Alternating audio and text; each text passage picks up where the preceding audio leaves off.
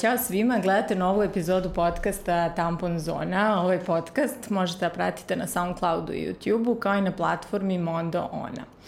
Moja današnja sagovornica je Marija Ratković, teoretičarka medija, kolumnistkinja i mnogo još šta šta, ali danas pre svega tu u ulozi direktore, direktorke Centra za biopolitičku edukaciju. Ćao Marija, dobrodošla. Ćao, hvala te što si me. E, sa Marijom ćemo, mislim, ja sam stvarno je bilo pitanje vremena kada ćeš da mi budeš gošća i htela sam te zovem ono za milion i jednu temu, ali evo imamo jedan danas lep povod i jednu priču o kojoj stvarno trebamo da govorimo glasnije i pričat ćemo dakle o HPV virusu i HPV prevenciji pre svega. Ovo, ovaj, ti stalno govoriš i inače tako da ljudi kad kreću da pričaju o ovoj temi uglavnom pomenu taj podatak koliko žena godišnje umire i ne znam nija šta, ali mi danas dakle nećemo pričati o tome, mi ćemo pričati o tome kako da se zaštitimo od ovog virusa. I dakle, juče sam, evo, ja prisustovala događaju u, ambasadi Australije i pričat ćemo i kasnije o tome. Ali za početak, eto, spomenula sam da si direktorka Centra za biopolitičku edukaciju. Šta je to biopolitička edukacija i šta ste sve radili do sada? Ne znam dakle o čem sad uh, razmišljam, ali uh, hajde počnemo od biopolitike. Da. Uh, ja sam se bavila biopolitikom na studijama teorije umetnosti i medija. Uh, I tad mi je baš bilo jako značajno uh, ta ideja da, da postoji ime jedno za te, uh, sad, sad ću de, uh, da citiram Foucault, ali on kaže da je biopolitika um, skup represivnih, državnih ili društvenih uh, mera koje se sprovode nad uh, ljudskim životom, odnosno regulacijom ljudskih životnih praksi. I to su sve najširi skup svega što reguliše naš život, ajde da kažemo i zakonski, i moralno, i etički, pravno, na svaki, na svaki način država se nekako meša u naš život. Ali to nije samo država, to je i milion drugih, kako bih rekla, rekla centara moći, I sada to ne, ta institucija, da. da, naravno, ali i različitih interesnih grupa koje se, čiji se svi interesi negde prelamaju na našim telima i našim odlukama koje mi volimo da internalizujemo, volimo da kažemo da je to ono što mi želimo, da je to ono što je nama dostupno, ali zapravo to je u mnogome ograničeno na to šta nam se nudi, šta je uopšte moguće. Uh, u našim životima, pa, čak i kada govorimo o obrazovanju, kada govorimo o ljubavi, kada govorimo o načinu na koji e, imamo seksualne odnose i tako dalje. I na, naravno neke od tih regulacija su transparentnije, neke manje transparentne. E, recimo jedne od jako bitnih e, pitanja, a koje su par excellence biopolitička, je javno zdravlje. Mm -hmm. I mi znamo to, sigurno se to čitala, pojmovi javnog zdravlja i državne i društvene regulacije nad ženskim životom su negde uvek pitanje jedne politike, pre svega. I onda žene se tome opiru, manje ili više uspešno, sa feminizmom sve više i više ovaj, preuzimaju tu kontrolu nad svojim telom, ali to je jedna, kako bih rekla, kako bi Njegoš rekao, borba neprestana. I u tom smislu ovaj, ja sam odlučila da se negde uhvatim u koštace i najzanimljivije u svega što biopolitika jedina pruža dovoljno širok okvir I eto, tako sam počela da nekako imenujem zapravo ono što ja već inače radim, a to je jedna tvrda feministička propaganda u svakom trenutku, u svakom mestu, da. tako je. E, dobro, e, reci mi kako ste, jesi imala neke akcije, evo pre, pre ovoga sad sa HPV-om i o, vakcinom, jesi imala neke akcije u okviru centra? Evo imala sam, a i zapisala sam, da, tako je. Spomenula si sinoć, to sam zapamtila da si držala predavanje devojčicama u ragbi klubu baš o značaju vakcine. Tako je. E, zato što ja mislim da je jako bitno e, koristiti, ako to imamo mogućnost, poziciju autoriteta, da je uvijek jako bitno organizovano, organizovana edukacija. Ja sam velika ljubiteljka socijalizma, gde je to bilo društveno postradovano i na neki način ideološki određeno šta će da se uči, šta je progresivno, šta je dobro, ali pošto to sada nemamo, mi smo sada organizovani u tom smislu, e pa u tom smislu mislim da je jako bitno da a, negde devojčice čuju na nekom mestu koja je pozicija autoriteta, ja taj autoritet neću zlupotrebiti, ali ću ga upotrebiti i svoju odrastost i svoje a, obrazovanje. Ovaj, da, da govorim sa devojkama a, sa pozicije autoriteta, ali da ostavljam prostor za njihovu diskusiju i naravno da čujem njihova pitanja i da čujem ono što su a, naj bih rekla, najveće dileme, mm -hmm. na, baš u tom trenutku kada one tek stupaju u intimne odnose, u stvari možda čak i ne još, nego se zaljubljuju, prvi put razgovaraju o tome i to mi je zanimljivo da prosto opipam puls kako tineđeri žive. Koliko je danas uopšte ta edukacija prisutna među mladima? Pa ona se sprovode s vremena vreme i mi, ja sam to pričala baš kad smo radili. Ne, baš periodična i onako izabrane su te neke ciljne grupe nekako nema neke opšte edukacije koja mislim da, eto, trebalo bi da se sprovede.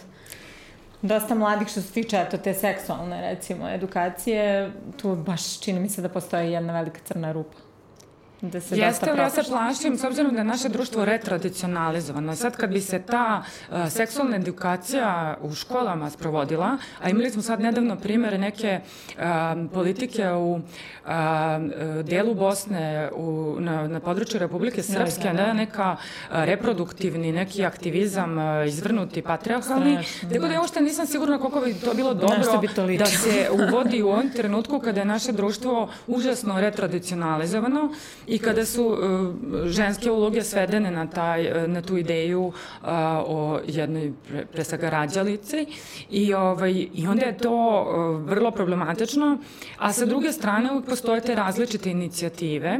Ja mislim da je sa te strane jako bitno formalizovati e, obrazovanje, e, kroz recimo neki centar, da to ne bude idem ja Marija Ratković prosvećujem, mm -hmm. jer nije to problem, ja imam svoju biografiju, ali mi sad živimo u vremenu potpunog nekog nadrija lekarstva i e, nekih, e, kako bih rekla, master klasova svega na svetu, gde je potpuno upitno e, koje su kvalifikacije tih ljudi koji to da a, sprovode.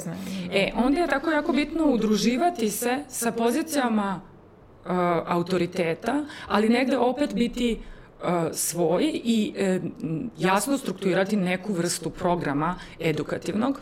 I ja sam to kad sam pričala, evo tu popisane su razne, ovi, razne te školice koje smo držali, ali recimo jedna od njih je videlo taj program medijske edukacije mladih, gde mladi zapravo dobijaju neko znanje koje im koristi, a to je pisanje optimizovanih SEO tekstova za web vezano za e, teme koje njih zanimaju i koje, kojima se oni inače bave. I u tom smislu, uh, ja sam tada njima rekla, to šta misle mladi, to je sada najskuplje pitanje na evropskom nivou, zato što su to ljudi koji će za najdalje dve godine glasati. Da. I onda svi nekako žele da znaju šta je u glavama tih yes. mladih ljudi, šta oni znaju, šta ne znaju, šta žele, kako da se da. na njih dopre a e, malo ko mlade postavlja u centar i malo ko e, mladima nešto pruža.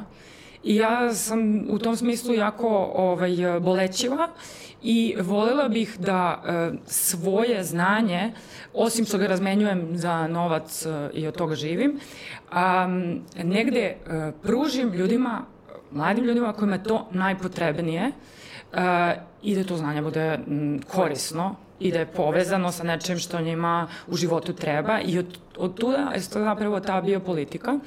Ono što ću ja sad ispreskakati na brzinu, što smo mi radili, mi smo se osnovali baš na uh, 4. marta, to je mhm. dan uh, borbe, odnosno uh, osvešćivanja ljudi o uh, značaju HPV uh, vakcinacije da. i generalno avernesa za HPV.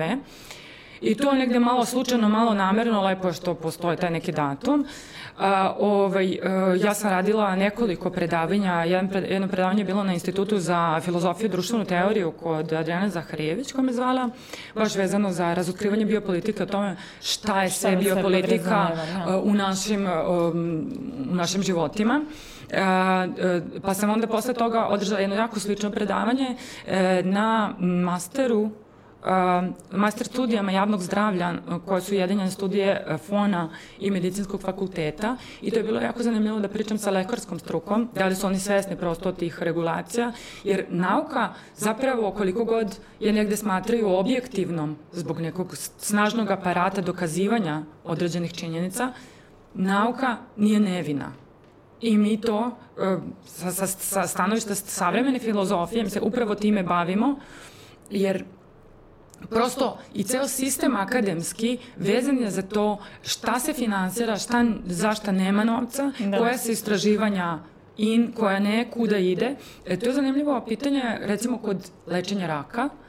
Uh, u potpunosti se napušta uh, le, operativno lečenje u nekim najsavremenijim centrima, e, zato što je prosto cena e, jedne operacije u drugačije finansiranim i nesocijalističkim e, sistemima zdravstva jednostavno ne opravdava mogućnost da će posle tog operativnog lečenja doći eventualno i zračna terapija, a onda i hemoterapija i onda prosto cena lečenja postaje potpunosti nedostupna. Da. Tako da se u tom smislu potpuno napuštaju neka istraživanja novih tipova operacija. I baš kod HPV uzrokovanih vrsta raka ima taj problem što mi smo u nekom jako velikom zaostatku u odnosu na Evropu i svet. E, zemlje Evrope su praktično na pragu iskorenjivanja bolesti u um, u kasnim fazama od koga najviše umiru žene kod nas, to kad se govori tim ženama koje umiru, to su žene koje kasno otkriju mm. ovaj, da imaju rak.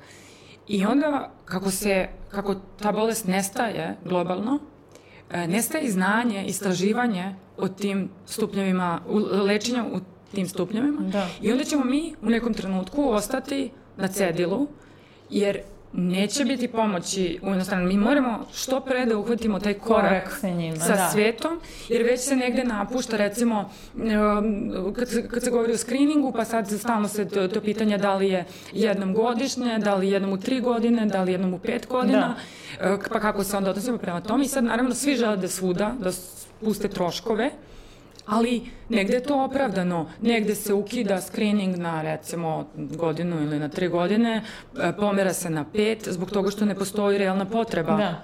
Uh, a mi ne možemo prosto samo da sledimo ta uputstva uh, Evrope kada mi nemamo, mi smo u drugoj situaciji. Mislim, da. Da, i to nas dovodi do te priče o, o uvođenju HPV vakcinacije. Često sto ljudi žele da to bude obavezno I ja sam iz razgovora sa mnogo, mnogo imunologa, e, genetičara, e, ljudi koji se bave e, pitanjem HPV sa naučne strane, shvatila da postoji ta jedna mala kao greškica mm -hmm. u komunikaciji priče o HPV vakcini, a to je da, pošto je u pitanju infekcija koja se prenosi intimnim kontaktima, i mi smo vrlo svesni kada stupamo u intimne kontakte sa određenim ljudima, drugim rečima, isključena je mogućnost da slučajno zarazimo jako veliki broj ljudi kao što je to slu, kao što je slučaj sa kapljačnim infekcijama, na da. primer boginje ili gripe da, da nešto nesvesno zaražiš. Da, da, da. E, i onda za taj tip e, infekcije Uh, vakcinacija zapravo nikada ne bi trebala da bude obavezna, nego uvek preporučena, a uh, značaj te preporuke se upravo ugled, ogleda u činjenici da preko 80 odraslih seksualno aktivnih ljudi nekada stupi u kontakt sa nekom od grupa o različitim vrstama virusa. Virusi se kreću, različito su raspoređeni čak i po zemljama a, kreću se u grupama, nikad ne znamo da li smo se samo jednim zarazili drugim. Neki imaju a, simptome u vidu nekih a, promena na koži, negde ne negde postoji. Negde izostanu skroz simptomi. Apsolutno. I sad da se tu sad ne bi ulazilo u... U to ovaj, sad neke medicinske de, simptome, to ne moramo, mislim detalje, da to... Da, ali da. kao, uh, ideja je da to, uh, da je ta preporuka opravdana za svakoga ko želi da ima uh, normalan seksualni život i u tom smislu ne mislim samo bitna stvar je da mi, e, nisu samo neodgovorni ljudi oni koji imaju seks bez zaštite, to su pre svega ljudi koji su u dugim vezama ili u bračnim zajednicama zapravo. I oni su upravo nekako najpodložniji ovaj, uh, Mene už, užasno nervira i ta stigma kad su te polno prenosive bolesti u pitanju. Ja se sećam ja kad sam prvi put se susrela sa HPV-om, uh, Mene je ta prva doktorka u studentskoj poliklinici pred punom čekonicom nešto rekla u fazonu kao vidi kako si s polja lepa, a iznutra haos kao. ja, ona, a i onda je bilo u fazonu menjaš, voliš da menjaš, a? Ja, znaš, ono kao, to mi je drugi dečko u životu bio. Ne znam šta je HPV, izgubljena potpuno. I kao neko te tako, znaš, taj stav prema tome da kao promiskuitetni ljudi kao zarađuju da. te bolesti ili ne znam nija šta. Mislim da je tu isto jedna velika greška, ono, i da to stvarno ne bi trebalo tako da se... Pa da, mislim, jedino sigurno je apsolutna a, abstinencija od svih vrsta intimnog kontakta, ne samo seksa. Uh, E, u tom smislu ovaj, e, je, jako je zanimljivo, ja se borim baš jako snažno protiv te stigme i obično kažem da na slavi uh, kada sedi deset ljudi za stolom i tako piju i pričaju o politici, osam od njih se susrelo sa uh, HPV virusom i to znači to. Znači to su ljudi oko nas, to su roditelji, to su ne znam, poznanici, dede, babe i tako dalje. Jednostavno taj virus je star koliko čovečanstvo jednostavno i koji mnogi drugi virusi. E, ono što smo mi još zanimljivo radili, a to je da su me posle tih mojih medijskih eskapada uh, u uh, istraživanje HPV-a uh, i razgovore sa ljudima od nivoa primarne uh, zdravstvene zaštite do najvišeg ranga uh, ovaj, ministarstava. E, mene su studenti e, public health programa sa najboljeg univerziteta za to, Georgetown University u, u Washingtonu, pozvali da radim sa njima njihov semestralni projekat, a to je mm, projekat o istraživanju cervikalnog kancera, skrininga i inače prevencije uh, vakcinacijom, uh, baš vezano za Srbiju. Radila sam kao nezavisna mhm. konsultantkinja mm -hmm. sa njima i oni su kako to studenti uvek štreberske urade, uradili jedan ogroman posao istraživanja od nule. Jer mi smo možda, mi nismo toga svesni, mi smo kao pošto živimo u ovoj zemlji, dosta, um, dosta drugačije posmatramo intimnije ovaj, po, ponašanja i u svoje iskustvo uključujemo i tako dalje. Ne, mogu da kažem da nismo objektivni, ali e, i nismo. A onda me je šokirao taj, to, to istraživanje u kojem sam ja sam učestvovala u jednom delu i ukazala sam im neku literaturu mm -hmm. koju mogu da koriste, konsultovala sam se oko nekih ovaj, e, po, po, posebnih de, detalja, ali oni su uradili jedno jako značajno sveobuhvatno istraživanje i sa svojim mentorima, koji su jako bitni ljudi ovaj, na, nivou, na svetskom nivou, a, um, preporučili neka ideju kako, kako bismo mi mogli da komuniciramo. I ono što je glavna stvar za koju se ja borim u medijima, jer to je moj posao, jeste da se komunicira malo um, afirmativnije mm -hmm. i da se ta stigma polako postaje deo prošlosti, to je ono neki deo kada nismo znali, kada su žene osuđivane za sve što postoji, mm -hmm. e, to pripada jednostavno prošlosti. Mislim, ta ideja mi imamo na našem e, sajtu, na zvaničnim sajtovima državnim, postoji preporuka ne stupajte rano u seksualne odnose. Mislim, to, hoću da kažem, e, država se nedvojbeno meša u to kada ćemo mi i s kim a, raditi da. nešto u intimnim. I to, I to je uvek tako. Ali ono što zapravo država treba da komunicira, ili mi sada ovde, jeste da kada počnete sa seksualnim odnosima, najdalje tri godine a, od tog trenutka se obratite ginekologu ili urologu. To je, za tri godine će se sigurno nešto desiti u vašem promenit će se klima i mikroklima vašeg organizma da. i to je ekstremno bitno da se normalizuje odlazak kod lekara a to je jako teško, kao što se sama rekla, mi svi doživljavamo užasne -hmm. trenutke kod lekara i, o, i, i negde možda treba da radimo i na edukaciji žene, lekara. Da. da, da, edukacija lekara mislim da je isto jako važna, kao i to što znam da mnogi sad krive žene, znaš kao one ne idu na preglede, one su krive što ne idu na preglede, a opet iza toga stoji neki razlog i to povlači mnogo stvari, ali ti screeninzi, ti si lepo navela i u ovom uh, uh, pamfletu da je to jedna od prevencije, jedna od najznačajnijih stvari jeste da se taj HPV otkrije na vreme. Da. Uh, ovaj, E, prošle godine si imala akciju sa Beolabom, to se sećam, gde ste i podelili nekoliko besplatnih pregleda ženama i to. Da. Koliko žena se tada odazvalo i kakve su bile reakcije Pa mi smo, uopšte? eto, mi smo podelili tada, oni su e, me pozvali da sarađujemo o tome, pošto poznajem temu i kao da malo tu kao istu komunikaciju i ta ideja je bila isto to, kao komunikacija, kako se komunicira? Komunicira se tako da to brineš o sebi. Da. Neće te naterati to što će ti neko reći, e, umrećeš ako ne brineš. Mislim, kao, svi ćemo mi umreti, sad kao možemo da pristupimo i tome da, filozofski, da. mislim, kao, nije smrt najgora, mislim, u tom smislu. Ali, ovaj, uh, mi smo podelili tada 125 uh, vouchera za uh, besplatan pap test, ja mhm. mislim. Mm -hmm. I mislim da se odazvalo 80-85% žena. I to je jako veliki odziv. Znači, ta ideja je da neka pozicija autoriteta, bilo da je to privatna laboratorija ili državna laboratorija ili a, država sama, treba da iskorači prema ženama i kaže, ženama, muškarcima naravno, mi smo vama nešto omogućili. Da. Mi smo vam, znači mi ne možemo, mi nemamo pravo sa pozicije autoriteta da govorimo ženama ti nisi dovoljno dobra ako se ne pregledaš, ti ne brineš o sebi, i hoćeš da umreš i taj paternalistički način, da, da, to više to, ne to pali. To bi palilo sada da mi živimo u tvrdom patriarhatu u tom smislu da je muž zaista vlasnik žene i da on kaže evo ti si sada e, ti si moje vlasništvo ja te sada vodim kod lekara ali pošto to nije, nije slučaj, da. tako da. i žene imaju svoj slobodan um a, mi treba da ih motivišemo i ohrabrimo a, ja sam ja sam primer a, tog problema da. ja nisam išla šest godina kod lekara Zašto? Kad sam analizirala, to trebalo mi je dosta da shvatim zašto. Nisam inače sam ovako štreberka i dosta verujem u medicinu, nemam nikakav problem sa tim, išla sam jako redovno. Mm. Zapravo desilo se da je moja uh, ginekološkinja komentarisala uh, moju depilaciju.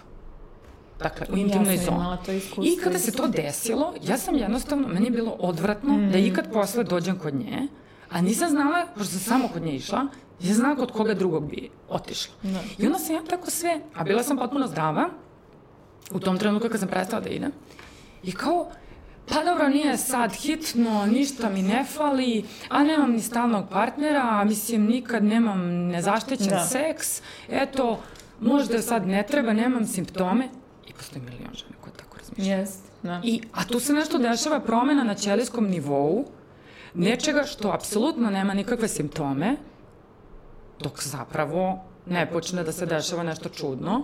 I onda i tad meni je bilo lakše da se pravim luda, da bežim od te ideje, osjećanje krivice, da sam možda sad već ko zna šta će da mi nađe i tako dalje. I onda kako je došlo do toga, ja prekinem taj svoj ovaj, neodlazak kod lekara, To što je drugarica rekla, ok, sad si zaradila ove pare, ja te sada vodim, zakazala sam ti kod moje lekarke, ona je super, divna žena i tako dalje i ohrabrila me i zajedno sa mnom išla. Ja sam da. se zaista tresla u tom trenutku kad sam otišla, ja sam znala da nešto možda nije u mm. redu, I ona je bila tu za mene i to je ideja. Mi treba da podržimo svako ko ima čak i neki temporalni autoritet. Duguje ovom setu da one koji su u tom trenutku možda samo u tom trenutku slabiji od njega ili na neki način nežniji ili u većem problemu, zaštiti, da pomogne i bez tog kao ja znam šta je najbolje za tebe, nego kao hajde, ja ću da, sve da, ti omogućim. Na neku akciju na neki afirmativni način, a ne preteći. I u tom smislu sve te akcije su uspešne. Kad govorimo o toj akciji Brinemo sebi, to je e, za četiri ili pet sati podeljeno 125 besplatnih. Znači, žene su sve se odazvale tom da. pozivu. E sad da se vratimo na priču baš o HPV vakcini. Dakle, HPV virus je, to jest i rak grlića materice je jedini rak za koji postoji prevencija, je li tako? I to je HPV vakcina. Uh, Ovaj, e, kad je uopšte, kad se ona pojavila, kad si ti saznala za nju da tako nešto postoji? O, ja sam saznala rano, kao što sam rekla, ja sam bila štreberka, saznala sam, da, baš kad je izmišljena, i bila sam u fazonu yes, yes, i onda sam htjela da je primim, mm -hmm. ali tad, e, tu dolazimo do tog problema, negativne preporuke. Mm -hmm. Kao, ja kažem, ja bi da tu vakcinu da probam, A onda kaže, ja, nemojte to, to su Amerikanci, nešto, pa mi ne znamo još, pa ne zna se, pa tako dalje. I mm. ja onda ne primim. I sad, da, da to postoje, da smo mi sad Amerika i da postoji pismeni taj dokaz, ja bi naravno tužila te lekare koji su to rekli, zato što um, vakcina zaista pomaže, nema nikakve ove, dvojbe. A e, vezano za samu vakcinu, ona osim raka grlića materice, zapravo štiti od svih, svih. A, vrsta a, raka koje su izazvane HPV virusom. HP virusom tačnije, to je human papiloma virus, je DNK virus i on ulazi u ćelije kada dođe u kontakt, u kontakt sa jedrom ćelije, a, odnosno sa DNK informacijama koje se tu skladešte, može da dođe do, um, kako bih rekla, um, genetskih izmena I uh, tako nastaje kancer. Uh, ono što mi kolokvijalno zovemo kancer, pre kancera nastaju predkancerozne lezije i tako dalje. One obično postaju bez ikakvih simptoma. To su promene, subtilne promene na ćelinskom nivou. Dakle, to je negde kad uđemo u nauku, odjednom postane nebitno sve te uh, one stigme koje vladaju, sve to o čemu se priča, ko je s kim bio, ko je zaražen, ko nije. I sad, uh, samo je poenta u tome da li možemo nešto da uradimo po tom pitanju i ovaj, da možemo. Možemo, ono što je u medicini do sada otkriveno jeste da čak je dobio Nobelovu nagradu za to otkriće. Da, meni je nestvarno da ne, nešto, zašto je, dakle, ta vakcina je dobila Nobel, Nobelovu nagradu, Australija je iskorenila rak zbog toga, pričat ćemo kasnije o tome. I ovde i dalje postoje ti, te velike sumnje. Ljudi su i dalje sumnjičavi. I meni se čini da ovde čim, znaš to, čuju vakcina, da postoji to nešto odbrambeno. Pa ja ne znam kako smo, ono, how we get there, kako da. smo mi došli od toga do, do, od jedne zemlje koja je prednjačila u svojoj civilizovanosti i korišćenju medicinskog, kako smo mi došli do toga da sad imamo potpuno nadri lekarstvo i potpunosti e, e, medicinu i nauku e, negirano. I sad kao, mislim, ja razumem da ljudi, ljudi treba da budu kritični, ali i treba da budu upitani nad svetom i da preispituju različite, ali e, mora da se zna odakle dolazi znanje. Moramo da vidimo kako da organizujemo, postoji sistem. Mislim, mi ne možemo nekako da se, da se bavimo uh, pitanjima da li je zemlja okrugla. Mislim, to je iluzorno. Da. E, i u tom smislu mene jako nerviraju, ovaj, ta, mislim, ne mogu da kažem nerviraju. Ja sam vatrena protivnica antivakserskog pokreta, zato što je, mi imamo epidemije 2019. godine uh, iskorenjenih bolesti. I mislim, ja, ja stvarno ne razumem da. kako smo došli do tog nivoa. Ja razumem da postoji nepoverenje u banke, nepoverenje u različite u institucije, nepoverenje u farmaceutsku industriju i tako dalje. Ali ja kada sam nepoverljiva prema nečemu, a nepoverljiva sam često, ja istražim. Ja sam pročitala gomile i gomile studija, ja se iz javnog zdravlja obrazujem sad, ono, dok mi pričamo, ja radim uh, na tome da bolje razumem neke... I nisu stvari idealne. Ali mi se tako ponašamo i u ishrani. Kao ako nije idealno i ne možemo da znamo da li je baš, baš organsko, e onda ćemo da jedemo čips i da pušimo. Da. Mislim, kao e, ne postoji... E, feminizam pre svega želi da izađe iz binarnog poimanja. Između tog da i ne, crno i belo. Za neke stvari su, neke stvari su potpunosti jasne, kao to da HPV vakcina pomaže. Da. Mislim, mi imamo primere, sve, znači Vrlo pomaže... čvrste dokaze da koji pokazuju da... Mali, da. mali, ako kažemo da je recimo zaštita četvorovalentnom vakcinom 70%, da, postoji 30% mogućnosti da se zapati neki virus koji nije otkriven. Ljudi, ljudi oboljevaju od bolesti za koje nije izmišljen lek. I da, Mi moramo i pored toga da idemo na redovne preglede. Mi moramo i pored toga da uh, praktikujemo uh, siguran seks. Mi moramo da razmišljamo, mi ne možemo da se krećemo kroz svet, tako neko će drugi brinuti i tako dalje. I sa druge strane, ja sam strogo isto protiv individualizma. Da, ja ću da se zaštitim. Da, bit ću sigurna ja i bit će sigurni moji partneri u tom nekom... Ali je jako bitno, i to su govorile najveće svetske stručnjakinje vezano za javno zdravlje, bitan je kolektivni imunitet. Bitno je da mi kao društvo budemo sigurni u odnosu na neke. Jer nije to samo problem što će neko da bude bolestan, što će neko da se razboli ili da umre. Ljudi umiru od saobraćaja. Mislim, nije uošte u tome pitanje, nego je samo ta ideja da, e, da, da virusi se razvijaju neometano, da oni mutiraju, da, da mi stvaramo neke nove bolesti time što se odlučimo da se lečimo, ne znam, ono, gledanjem u pasulj. Mislim, mi ugrožavamo ljud, da, ljude oko sebe.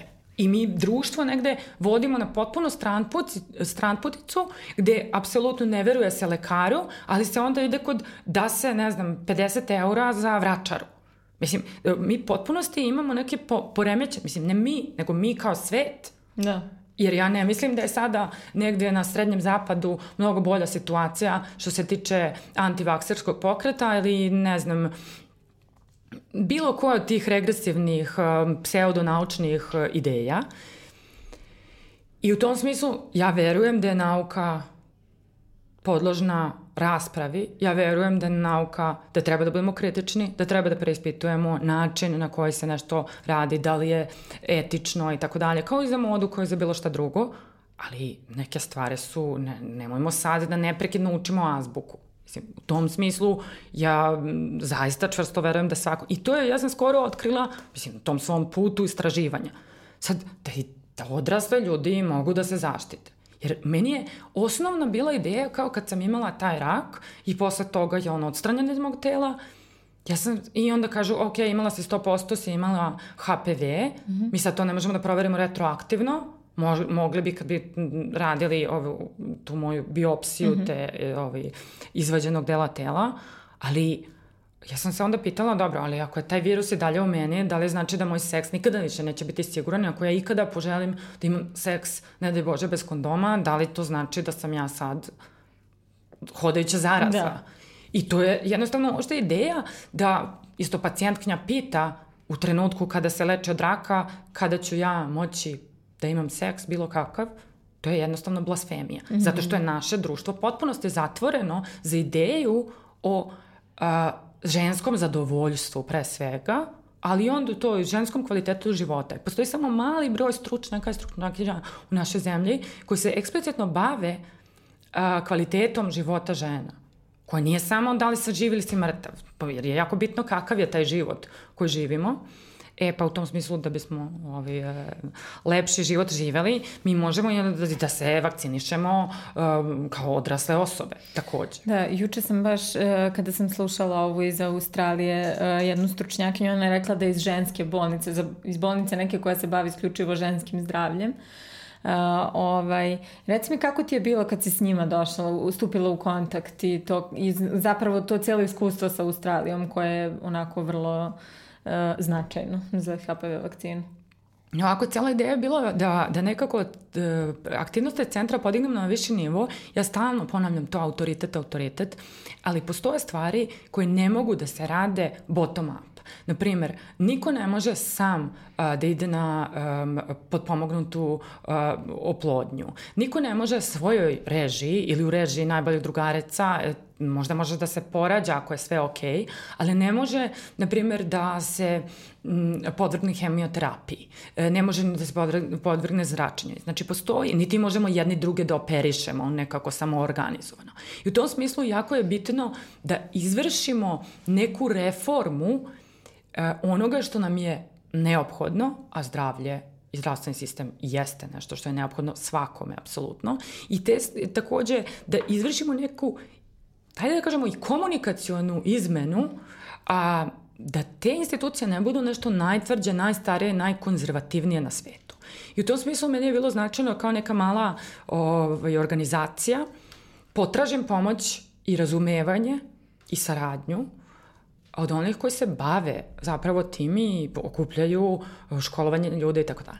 I u tom smislu Australija, ja sam bila tako fascinirana u celoj toj mojoj borbi i očaju koji je nastupio posla poravka od raka u tom smislu da, da, da život ono, žene bez matrice u Srbiji je bukvalno nula.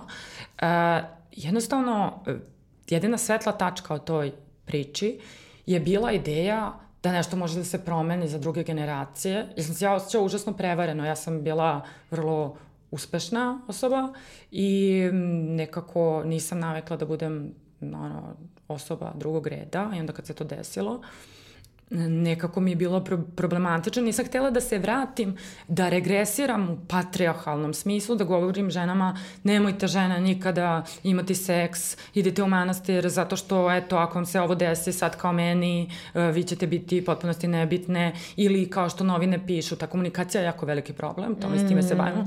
Žene e, ostavit će vas partneri, recimo e, postoji ta statistika, znači žene koje su imale ne znam, da, da, da nisu rađale, a da su imale e, kako bih rekla, histerektomiju mm -hmm. ili uh, bilo koje uh, ograničenje samo ovaj, plodnosti, reproduktivnih ovaj, organa, u 90% slučajeva njih partneri napuštaju. Da. I to je neka statistika odvratna i svako misli da neće biti statistika, ali prosto tako je. I to je jednostavno veliki problem. Ja ne mogu da govorim ženama, ako dobiješ rak, ostavit ćete dečko.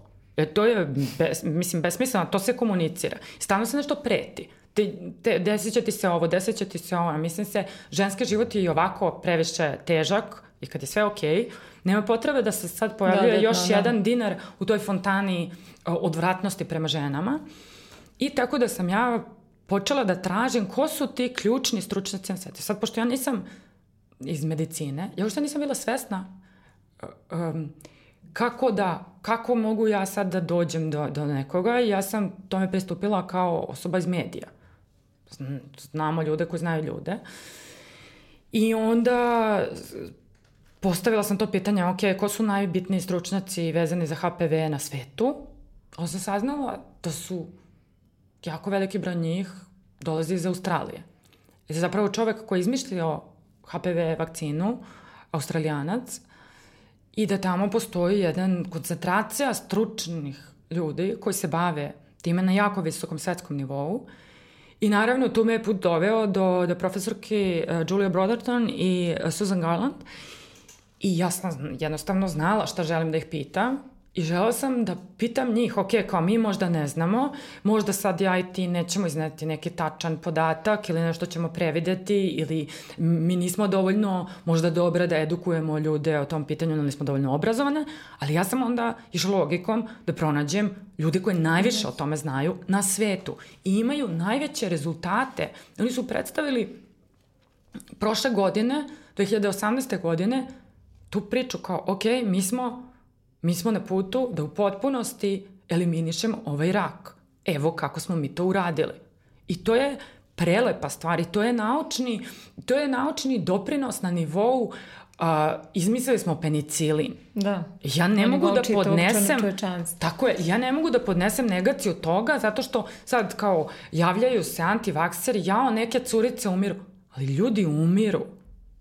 Mislim, od raznih stvari. Ljudi umiru od raka najviše. I mi sa jedne strane imamo tu priču, uvek me priča, pitaju drugarice da li da vakcinišu svoju decu, da li ovo, da Sam, e, ja uvek kažem, sa druge strane je rak. Mislim, bilo koji negativni efekat da postoji, mi uvek moramo da čitamo one papiriće sitne a, iz, ne znam, pijem bromazepam pa gledam negativna da li ono dejstva, postoji da, neka da, da. negativna dejstva postoje kreme koje imaju negativno dejstvo smrt, da. eksplicitno navedeno, pa opet ljudi moraju da ih koriste iz nekih drugih razloga i uvek se meri to šta dobijaš, šta rizikuješ. Ovde je apsolutno nedvosmisleno boriš se protiv raka. Dakle, Niko tebi ne može da garantija, ja ne mogu nikome da kažem da ono neće umreti. Mislim, to sam prvo naučila na psihoterapiji, nema to garanta, možda ti se desi ko zna hiljadu stvari, ali ovo su stvari koje rade. Ove, ovaj, uh, vakcinu primaju devojčice najčešće 13-14 godina, je li tako? To je preporučena dob. Da. E sad ovde sam uh, jedan od česti kome, pošto sam i ja kao krenula zagovaram i gde god mogu pričam o HPV vakcini, Ovaj, često sam nailazila na mišljenje da kao roditelji ne žele da daju svoj, svom detetu vakcinu protiv polno prenosive bolesti dok dete nije seksualno aktivno. Što je meni jako velika nebuloza i to mi je ono u rangu ovih ljudi koji isto ne žele da vakcinišu decu dok ne progovore ili ne znam ni ja da. E, šta sve postoji od tih e, glupih izgovora. Uh, kako možemo najbolje da informišemo te roditelje? Šta misliš? Pa mislim podrškom, mislim razgovorima o tome kao šta se tu zapravo dešava i šta će svakako da se desi i kako izgleda životni ciklus, a najgora stvar od svega toga je što život žene, kao što sam rekla, u društvu je jako problematičan. I kada bi oni mogli nekako teoretski da utiču, kako god, da njihove, da svi ikada partneri, njihove čerke uvek nose kondom, uvek pri svakom odnosu ili partnerke, tako dalje, da se zaštite na neki, ne, ne znam kakav način, uh, kada bi mogli da učine čudo, onda bi mogli da zaštite, ali pošto to ne mogu, ovo je uh, nešto što mogu da urade. I nešto što mogu da urade neinvazivno za, za, za svest i za, za, za duh njihove čerke, da ponovo ne preuzimaju taj moment nećeš imati seks. Jer, hajde da obrenemo situaciju. Oni treba da zaštite mušku decu. Mušku da, decu svi ohrabruju ne, da imaju seks. se ne priča uopšte. A niko im ne kaže, da, ali HP virus izaziva i rak penisa da, kao, tebe će nešto loše da se desi, zašto se tako, kao ne, ne, da. posmatraju kao, e, nemoj, sine, biti veliki frajer zato što, evo, umrećeš od raka, ko, da. od koga umiru samo žene, zamisli taj, mislim, mislim, sad patriarhat ima tu vero, veoma kreativne, ovaj, verovatno, neke ideje kako sprečiti. Jedan čovjek je čak rekao na nekom forumu o tom pilot projektu vakcinacija koja je kod nas ovaj, sprovođen 2016. godine, neki čovjek je rekao da on svoju decu imunizuje svetim pričašćem. I ja jednostavno nemam šta da odgovorim, ja ne želim nikada da nekog razuveravam od svojih verskih u, u, ovaj, ubeđenja i ukoliko zaista uh, postoji mogućnost da se očuva apsolutni celibat, u smislu i tih dodira sluzokoža, ja zaista podržavam tu ideju za one koji se za to odluče i ono što je jako bitno kod HPV vakcinacije je da je ona preporučena i da mi treba ljudima koji žele da se zaštite i većem delu stanovništva da učinimo vakcinu besplatnom i dostupnom. To je jako bitno. Uvijek će postojati neki broj ljudi koji su da najblaže da kažem ekscentrični i koji recimo veruju da zemlja ravna, da su vakcine zlo i tako dalje, ali zahvaljujući tome što će svi ostali biti vakcinisani, oni će biti zaštićeni da. i pored svojih ekscentričnih uverenja, koje zaista smatram da treba da budu negde ispod 5% opšte populacije. Da. Znači mi ako imamo pola populacije koje veruje da, ne znam, ono, zaveru iluminata i reptila, jednostavno se negde vraćamo u neko predistorijsko doba. A ono što je problem svih naših programa vakcinacije jeste što smo mi, mi nismo predistorijska zemlja. Mi smo zemlja Evrope, srednjeg bruto državnog proizvoda i tako dalje, I nama niko neće pomoći. Nama niko neće fundirati uh, vakcinu, uh, kao što to rade za zemlje, zemlje u Africi, zemlje Pacifičkog pojasa i tako dalje, zemlje koje su apsolutno ugrožene. Niko neće doći sa nekim a, kamiončićima a, gde, gde će žene moći da se pre, da, gde će žene moći da se pregledaju zato što nas smatraju i na osnovu nekih ekonomskih pokazatelja jednom civilizovanom zemljom srednjeg, ali da tako kažemo, srednjeg imovnog stanja, a onda se možda otvara pitanje da li to nije tačno. Mm. Jer ako mi svi živimo lošije, a postoji ta priča o našem, hajde kažemo, srednjem standardu, jer mi imamo užasno lošu statistiku, hajde samo govorimo medicinski, znači mi imamo užasno lošu statistiku koja ne odgovara onome kako se mi predstavljamo u ekonomskom smislu. I sad, to je jako veliki problem jer smo mi u nekom tom prozoru kome niko neće da nam pomogne, nismo to dovoljno jadni, a s druge strane, naš, mi smo crna tačka. Da. U Australiji, kako uopšte, je li je u Australiji bila besplatna vakcinacija? Kako je organi, organizovana bila? E, bila je besplatna da. i Jan Frežer koji je izmislio vakcinu smatra da je da nisu bitna socijalna uverenja, društvena, sociološka, da kažem, da su oni, svi lekari australijski su takođe radili u Pacifičkom pojasu, u Tuvalu, u Butanu, u, radili su u u različitim uh, zemljama uh, koje nisu Australija i koje imaju potpuno kulturološke drugačije ovaj, postavljene ideje o tome šta je porodica, šta je poželjno, šta ne, ali da je jedini faktor uspešnosti uh, uh, imunizacije uh, njena cena vakcina. Mm -hmm. I zapravo ljudi kada im je to blisko, kada je ponovo, kada kažem, kada su autoriteti iskoračili prema običnom čoveku, običan čovek to zna da ceni. U tom smislu meni je zanimljivo što meni drugarice šalju, sad kao a, drugarica sad bila u Keniji i šalja mi sliku ako na nekoj tabli ispisano HPV, vakcina, pola dolara ili, ili nekog novca koji isto ima sličnu oznaku. Mm -hmm. I onda to mi je zanimljivo što su me i drugarice prepoznale kao neko ko se za to bori da. i šaljem iz celog sveta te ideje kako, evo, kako je ovde, kako je, javljaju se mi se tako iz Australije i oni se naravno žale na svoj državni sistem sad da bi nešto moglo bolje da se... Pre... I to je, jeste dinamična struktura. Mi kao građanke, građani uvek treba da da zahtevamo nešto šta može da bude bolje, da tražimo neke e, za sebe, da zastupamo zapravo svoje interese. Ja mislim da je zdravlje naš interes u tom smislu. Kod nas je HPV vakcina dostupna, ali se plaća, je li tako? E, pa sad dostupna, to je vrlo jedna triki, triki pitanje. Znači, mm. kod nas je vakcina, konkretno, postoje dve vrste vakcine, to su jedna je Cervarex, druga je Gardasil. Znači, obe su isto kad i u svetu, pa hoću da kažem, registrovane kod nas da. na sajtu Agencije za lekove, možete pronaći sve o tim vakcinama, uključujući to za koga su one namenjene. I jednostavno, one su namenjene za sve od 9 pa na više godina, nigde ne postoji ta gornja granica, mm -hmm. niko ne može da kaže zakasnili ste i tako dalje. E, vakcina koja je aktualna svuda u svetu je ta Gardasil, zato što um, je prosto više valentna, mm -hmm. polivalentna je, postoja prva uh, dvovalentna, četvorovalentna i sada ta nova devetovalentna, one su sve postojeće u Srbiji, ali ono što je novost, a što smo mi negde proslavljali, jeste da su, da je HPV vakcina uh, uključena od 1. aprila tog, u tom pravilniku o mhm. imunizaciji, uključena je pod poglavljem preporučene vakcine za određeni uzrast. Jer ona je zaista preporučena, to je najbolja moguća preporuka za mlade, odnosno decu od 12 do 14 godina, jer tad su oni već sposobni da stvore imunni odgovor, a s druge strane e, nisu već došli u kontakt sa virusom. Naravno, nekada se sigurno i jesu, ali hoću da kažem da to se gleda prema većini i to je negde optimalno vreme da se neko zaštiti.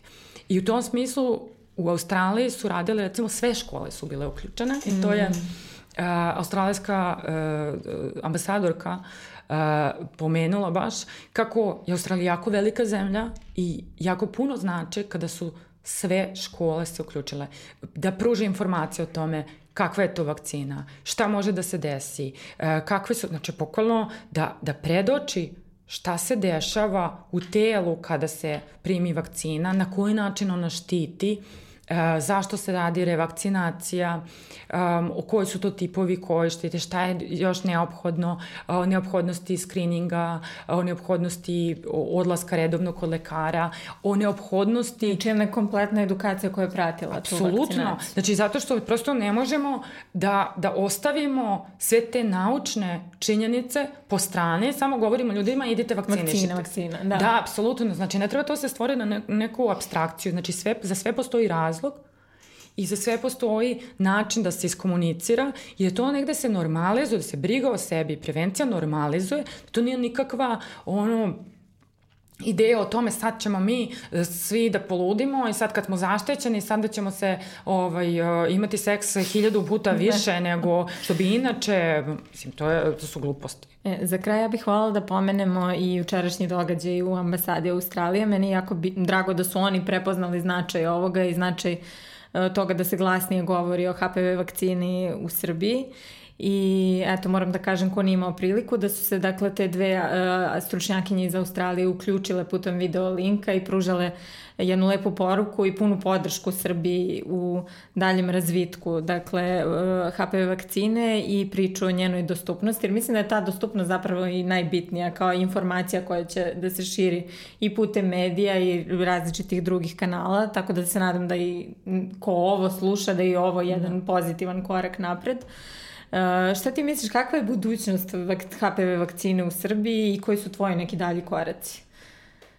Pa ja bih voljela da se pojavi neki ovaj, uh, neki donator, neki bog, bog. koji će da, da sve reši, da odmah kupi sve te da. vakcine da. i podeli ovaj, po školama, a ja mogu da se bavim samo komunikacijom s obzirom da novac nemam. Uh, Ovaj, ali, mm, ali taj događaj juče, evo ja sam baš pričala, sa, sam, bili su prisutni mnogi lekari, bio je i predstavnik uh, Svetske zdravstvene asocijacije i to su sve ljudi koji su jedva dočekali da se progovori malo o tome i da nekako to dođe u neku žižu, tako da se stvarno nadam da će to da se samo nastavi sada.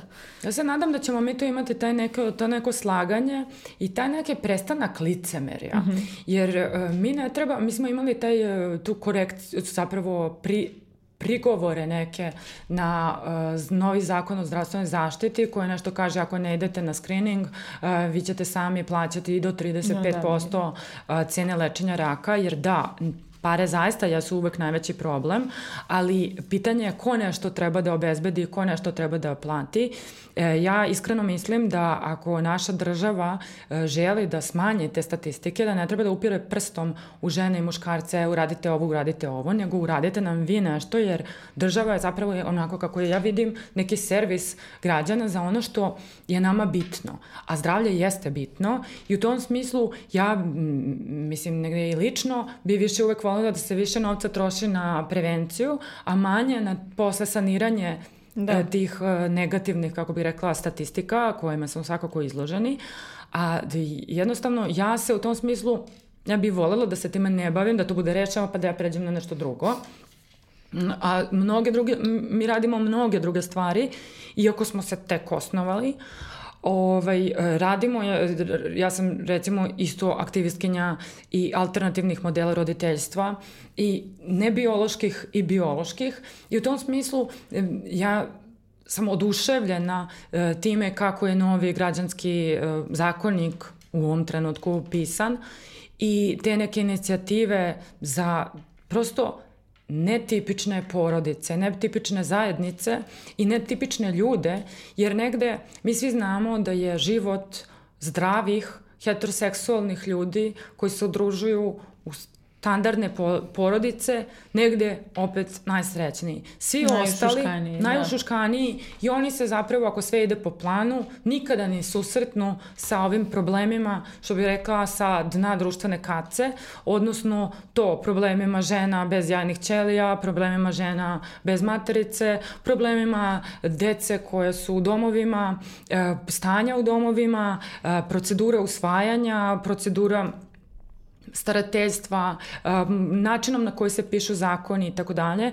Ja moram da kažem da zaista uh, to kako je napisan naš uh, taj deo građanskog zakonika u vezi sa uh, surogat, s procesom surogat materinstva je zapravo nešto najsavremenije, zato što po prvi put znači na nivou uh, Evrope i sveta prepoznaje tu neku nebiološku porodicu gde su zapravo roditelji, pravni roditelji, oni koji se o detetu nameravaju da se o njemu brinu. I to je negde ta razgradnja, ja, ja zapravo to vidim ne kao povratak na to konzervativno, hajde sada da svi trgujemo decom, hajde sada da e, uključimo se, ako ne mogu da rodim, ja ću da mi rodi rodilje i tako dalje, nego prosto neki, neki pomak ka razlaganju ideja šta je roditeljstvo i šta sve može da bude roditeljstvo, jer ja nigde ne, moj aktivizam se zasniva na tome da sam ja odbila kategorično da se zato što recimo nema materecu, uključim u te neke polulegalne ideje o tome, eto, može u Ukrajini taj turizam, kako bih rekla, zdravstveni ili te ilegalne um, situacije o kojima se malo priča, zato što recimo trgovina ljudima, kada, post, kada su odrasli ljudi u pitanju, ima neke žene koje se pobune i pobegnu. Kada govorimo o trgovini decom, trgovini a, genetskim materijalom, a, jajnim ćelijama, embrionima, jednostavno nema ko da se žali te, te, zapravo oni koji zapravo najviše od toga a, pate, ne, ne, nemaju svoj glas. I u tom smislu to negde prolazi ispod radara. I to je negde tema tako je dugoročna, a to je da se ljudske prakse uvedu negde u zakon i da ti zakoni, da bude što manja disparacija između, e, disparatnost zapravo e, između onoga kako ljudi žive u stvarnosti i onoga što je regulisano zakonom. I ja znam da je to jako teška borba i da sad ljudi negde kažu da ovde se slažem sa tobom, odavde ne. Jako je teško ovaj, izaći iz tih konzervativnih poimanja, ali ja pre svega mislim da, da je jako bitno da se organizuju žene koje su u toj poziciji, zato što i ja dok nisam bila u poziciji a, žene bez materice živala taj život koji zaista je ekstremno težak u Srbiji i gotovo nepojmljivo težak a, na nivou od to svakodnevice do nekih metafizičkih ovaj, pogleda. Jednostavno, jako je bitno da a, ljudi koji žive taj život pričaju o tome i da se negde samom tom idejom, samim mojim izlaskom u javnost i govorom o tome da ja nemam matericu, Ja sam se osudila na to da sutra ako bi se bavila ilegalnim surogatom, e, bilo bi jako lako dokazivo zato što postoje ti moji ovaj, istupi u javnosti. tragovi. Tako je, tragovi u javnosti. Ja ne mogu nikada i ne želim nikada da kao uh, pojedine žene u Srbiji koje su na to naterane uh, nosim jastup pod haljinom. I jednostavno uh, ja želim da se borim da moje i želja drugih ljudi koje su potpunosti normalne, a to je da se reprodukuju a, na bilo koji način. Ja sad ne ograničavam se uopšte na biološko, a, e, biološku reprodukciju, a, da ih država jednostavno prepozna kao kao građana istog reda kao i ove koji mogu jednostavno da, da smišljaju romantičnu porodicu, jer će onda njihov život biti lakši na nivou uh, ličnih um, odnosa, uh, neće više biti tako strašno, neće više muškarci ostavljati žene uh, kada, ovaj, kada ubole od neke reproduktivne, niti će žene sad muškarci, i to će, nekako će se promeniti, promenit će se poimanje uh, LGBT zajednice, promenit će se po, poimanje potreba transrodnih ljudi i tako dalje. To je jednostavno uh, mi moramo da razmišljamo to šir, šta je šira slika i šta je ta neka filozofsko, moralno, etečna ideja, koje, koje su vrednosti kojima mi želimo da težimo i negde mislim da je tu um, Centar za biopolitičku edukaciju uh, pronašao svoju nišu, da te neke hajde da kažemo, najviše granga abstraktne ideje i ideologije politike pretvara u neke vrste policija, odnosno regulativnih uh, društvenih mehanizama, da negde utiče na njih, da one ne bi vraćale na stalno u neki srednji vek i neko pred srednjovekovno stanje u kojoj uh, države uh, na silu inveduju žensko telo i, i nekako ženu svode na njenu, um, hajde tako kažemo, neku biološku posebnost reprodukcije. Mi negde moramo da iz toga izađemo i to se radi na mnogo frontova paralelno. E, ja sam izabrala da se recimo bavim tim e, medijskim delom, jer sam se iz toga najviše školovala, ali takođe ta ideja da se okupljaju eksperti za određene teme, da se oni predstavljaju javnosti, da se promeni komunikacija, da mi juče, na primjer, na tom događaju koji se zove Postcards from Future, e, da, da jednostavno se radujemo, da se upoznajemo, da pričamo, da prestanemo da zastrašujemo jedni druge i da negde pronađemo, ako postoji i minimum nekog slaganja, da negde radimo jer moramo da živimo jedne sa drugima, tako da u tom smislu ja bih voljela da centar ima tu eto, neku ulogu medijatora i medijskog kreatora. Hvala ti Marija puno na ovom razgovoru i puno sreće u daljoj borbi i radu. Evo ja ću da podržat ću kad god mogu. Hvala, Rad. hvala.